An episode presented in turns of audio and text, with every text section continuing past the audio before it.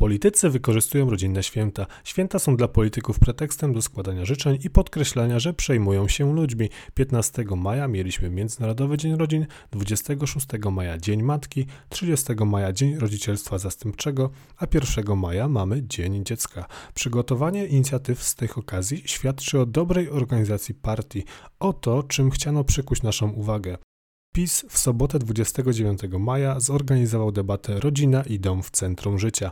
Na miejsce debaty wybrano Rzeszów, gdzie o fotel prezydenta miasta powalczą Konrad Fiołek, kandydat opozycji, Grzegorz Braun, kandydat Konfederacji i Marcin Warchoł, wspierany przez koalicjantów PiS. O tym, jak Polski Ład pomoże rodzinie, debatowały wicemarszałek Sejmu Elżbieta Witek, minister rodziny Marlena Maląg, europosłanka i była minister rodziny Elżbieta Rafalska oraz wojewoda podkarpacka i była posłanka Ewa Leniart, czyli kandydatka PiS na prezydenta Rzeszowa. Spotkanie z udziałem bawiących się dzieci odbyło się w ogrodzie hotelu Twierdza.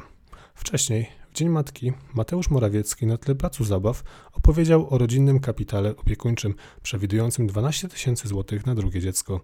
Polska 2050 w związku z akcją Rodziny dla Dzieci, Prawo nie przywilej, postanowiła opisać dramat dzieci z rodzin patologicznych. Organizatorzy akcji zaznaczają, że dzieci powinny trafić do rodzin zastępczych, a umieszczanie ich w domach dziecka jest absolutną ostatecznością. Ruch Szymona Hołowni celuje w trudne sprawy i emocjonalny przekaz.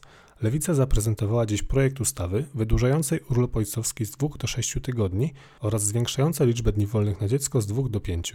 Posłanka Wanda Nowicka argumentowała, że ustawa wdroży unijną dyrektywę 2019-1158, poprawi sytuację demograficzną i zwiększy udział kobiet na rynku pracy. Wsparł ją europoseł Robert Biedroń, a lewica wyraźnie stawia na pozytywne treści i sympatyczny wizerunek.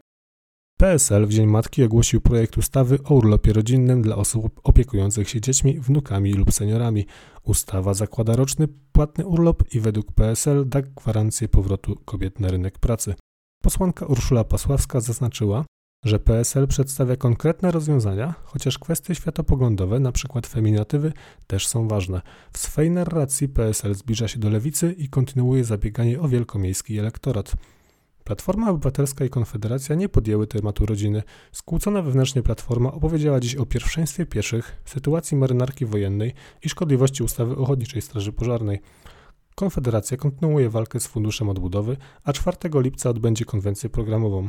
Przeszukałem media społecznościowe obu partii, nie znajdując nic konkretnego, więc proszę Was o podsyłanie informacji o ich inicjatywach z okazji rodzinnych świąt.